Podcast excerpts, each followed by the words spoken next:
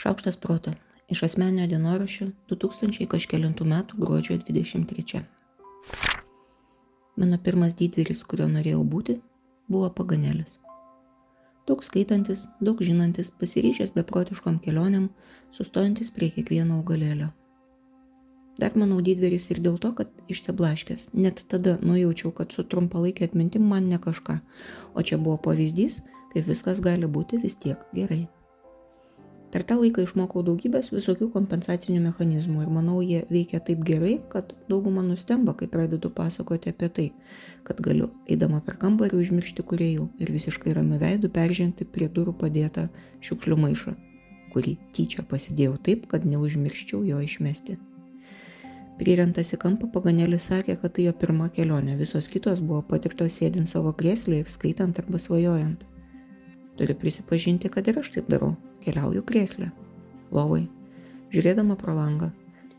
Rečiau keliauju, bet vis tik keliauju ir pasauliu, nes tokių kelionių, kaip nepažiūrėsi, yra netaip jau mažai. Man visiškai verta keliauti ir tam, kad suprasti, kuo skiriasi pusryčiai Kopenhagoje ir Berlyne, į koncertus ir įvus kviečiančios krajutės Tartu ir Krokuvoje, ar žalių salotų skyrius Hartforde ir Gente. O tada yra kitokios kelionės.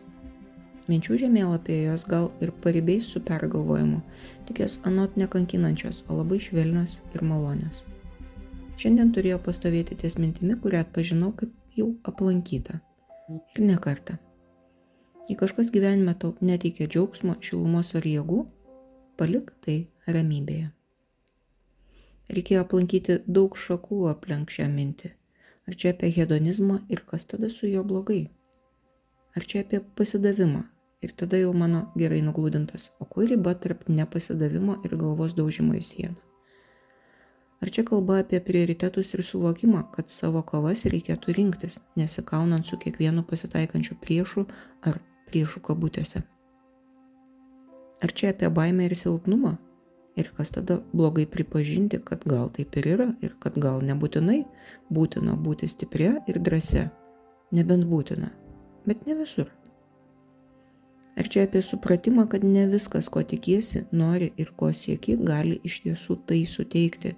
Ir mes nuolat mokome subtilaus meno atpažinti ir susitikti su lygiaverčiais norais, tikslais, vertybėmis ir siekiais. Ar čia apie gebėjimą atsisakyti to, kas yra siūloma ne dėl to, kad tai yra, ne dėl to, kad tai yra prieinama, o tik dėl to, kad vidinis balsas šaukia kažkur kitur. Apie tai, kad susitaikymas, užmiršimas ir palikimas ramybėje yra vis tik ne tas pats. Kažkada gal norėjau, kad atsakymas būtų vienas ir nervinausi, kad neradau vieno atsakymo. Kai randi vieną atsakymą, jis ir yra teisingas. Jei nerandi vieno, tada visi neteisingi, o aš nemoku atpažinti teisingo. Na ir kas tada lieka? Graužti, stengtis vėl iš naujo. Ne. Tiesų yra daug ir jos visos gali veikti vienu metu. Aplink kiekvieną mintį yra daug aspektų ir visi jie vienodai svarbus ir visi jie vienodai teisingi. Tada mano mintinės kelionės pasidarė švelnios ir malonios, pirštų vedžiojant per kiekvienos idėjos išsišakojimus. Viskas yra visaip. Visada. Tam, kad kažko išmoktum, reikia įžengti į diskomfortą, bet ir kiekvienas diskomfortas gali kažko išmokyti. Gal, gali būti visaip, bet paieškos į trumpą ir aišku atsakymą čia irgi nepadeda, čia labai daug žvaigždučių.